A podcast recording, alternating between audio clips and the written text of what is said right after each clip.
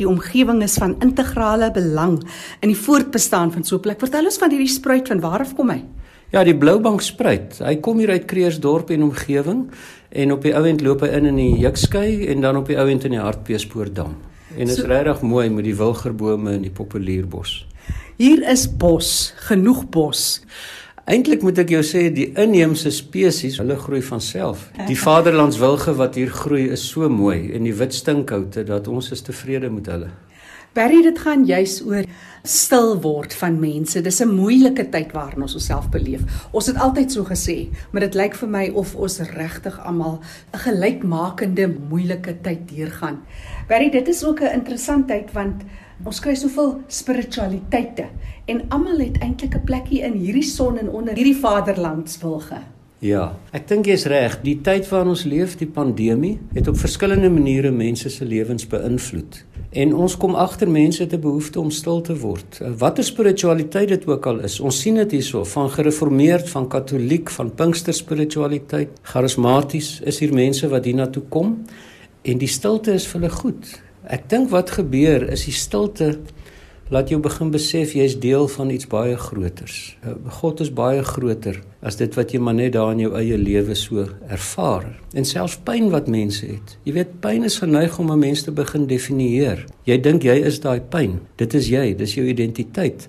Maar as jy in die stilte kom en jy kan daar by die spruit sit of onder die bome of hier in die kapel waar jy tyd het om stil te word, dan begin jy bewus raak maar daar's 'n baie groter wêreld en jy is eintlik maar 'n deeltjie daarvan en jy is nie jou pyn nie. Jy het pyn, maar jy is nie jou pyn nie. En dit is nogal 'n belangrike ding vir mense om te besef. Hoe kom 'n mens by daai besef? Hoe besluit jy dit is wat ek is en dit is nie?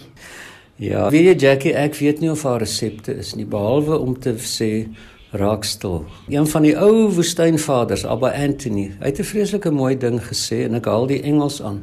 Hy het gesê whoever sits in solitude and is quiet has escaped from three wars. The war of hearing, the war of speaking and the war of seeing. And then there's only one battle left in which to fight, and that's the battle for your own heart. En dit is tog in ons harte wat die dinge lê, nê, wat die groot verskil in ons lewe maak. En dit is 'n plek soos hierdie wil 'n ruimte wees waar jy regtig kan wegkom van alles wat jy so moet luister, alles wat jy moet praat, al die baie goed wat jy die hele tyd moet kyk en net hier in die natuur en by die Here kom sit.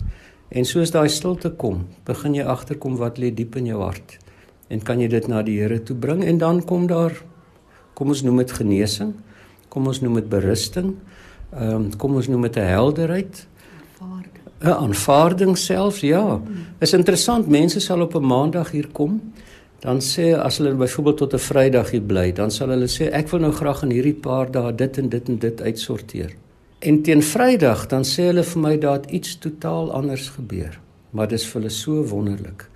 En dan is dit omdat hulle nie voor die tyd kon dink wat dit aan jou gaan doen as jy regtig in die stilte ingaan nie. Maar dis 'n proses wat sy eie loop neem. Berry, Jy het nou al baie gelees en geleer en oor see gewees en al die goed gedoen en die stilte gesoek en die stilte waargeneem dalk die stilte ervaar. Dis maklik om te sê raak stil. Dis nie so maklik om dit te doen nie. Maar dis juist ook waar 'n mens sekere elemente in sekere goed wat jy gedink het so ver moet wees. Jy hoef nie na 'n plek toe gaan om die stilte seker te kry nie. Die natuur is daar waar ons ook al is. En al sit jy nou ook iewers in 'n woonstelletjie, hoe maak 'n mens om wat jy het om jou soort van in te tap daar en dit te gebruik? Jackie, ek dink Partykeer het ons dit nodig om net so hupstoot te kry. En Origins is so 'n plek. As jy hiernatoe kom, dan begin jy ervaar wat in die natuur is, wat die natuur vir jou kan beteken, wat stilte vir jou bring. En as jy dan teruggaan na jou huis toe, al is dit in die middestad, het jy tog iets ontwikkel om daai boontjie in die pot op jou voorstoep te kan raak sien, te kan waardeer, by die boontjie te gaan sit en 'n rustigheid te ervaar. Of jou kersie wat jy opsteek in jou woonstelkamer met miskien die Bybel wat daar oop lê. Vat jy onmiddellik weer na 'n ruimte toe wat jy hier op Origins iets van beleef het en wat jy saam met jou vat soontoe. En dan kan jy dit begin doen. Maar ons het baie keer 'n hulpstoot nodig, net om ons te help om die Here so in die alledaagse, ja. in die natuur, die bietjie wat daar om ons is, die duif wat op die stoep kom sit, om dit te kan ervaar. Barry het so 'n mooi storie vertel oor die stilte en dit gegaan oor 'n poeltjie water. Vertel tog daai storie en ook net so 'n bietjie iets vir die knapsak, hoe om jouself soort van net te kry dat jy die reis bietjie binnekant toe vat. Ja. Ja, ek is baie lief vir daai storie. Hulle sê in die vroeë kerk was daar Christene wat gesê het stilte is soos 'n poeltjie water langs die pad. As daai poeltjie lank genoeg stil was, raak die water helder. En dan gebeur daar twee dinge. Die een is die bodem raak sigbaar en die ander een is die hemel reflekteer op die water. En dit het die ou vroeë Christene geglo is wat stilte in ons lewe kan doen. Jy raak bewus van wat diep onder in jou lewe lê en dan die wonderlike. Jy raak ook bewus van die Here wat in jou lewe teenwoordig is. En as jy nou vra van 'n knap sak, mm -hmm. dit sal baie knap wees as ons kan leer om elke dag 'n stukkie stilte in ons program in te bou.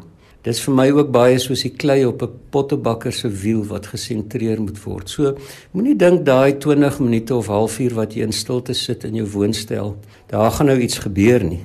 Iets gaan aan jou verskyn nie. Mens moet glad nie daai verwagtinge hê nie. sien dit eerder as dat die klei word gesentreer en die res van die dag wat ook al uit daai klei gemaak word, gaan baie beter uitkom aan die ander kant as wanneer die klei nie gesentreer is nie. So ek sê vir mense wil aanmoedig, doen moeite om elke dag eers 10, 15, 20 minute net in stilte te gaan sit en net daar te probeer bly waar jy sit in die teenwoordigheid van die Here. Ek dink dit kan 'n knap sak wees wat jou ver sal vat. Partykeer dink ons dit moet 'n sekere omgewing wees of wat ook al. Dit kan voor jy jou motor aanskakel. Dit kan wees voordat jy nou die broodjies moet sny, wanneer ook al. Ek dink 'n mens moet dit inbou en moeite maak om dit in te bou. Dit is vir ons 'n uitdaging en eintlik 'n uitnodiging om te besef in die alledaagse dinge kan ons ook die Here se teenwoordigheid ervaar. So ek hou van wat jy sê as jy brood moet sny en jy weet dit was 'n rowwe dag, voel daai brood in jou hand. Voel daai broodmes. Ryk die brood as jy dit sny. Kyk na die tekstuur van die brood. Dink hoe wonderlik dit is. Hierdie brood bestaan uit koringkorrels wat eers op 'n land gegroei het en wat iemand geoes het en gemaal het en hier is dit in my huis.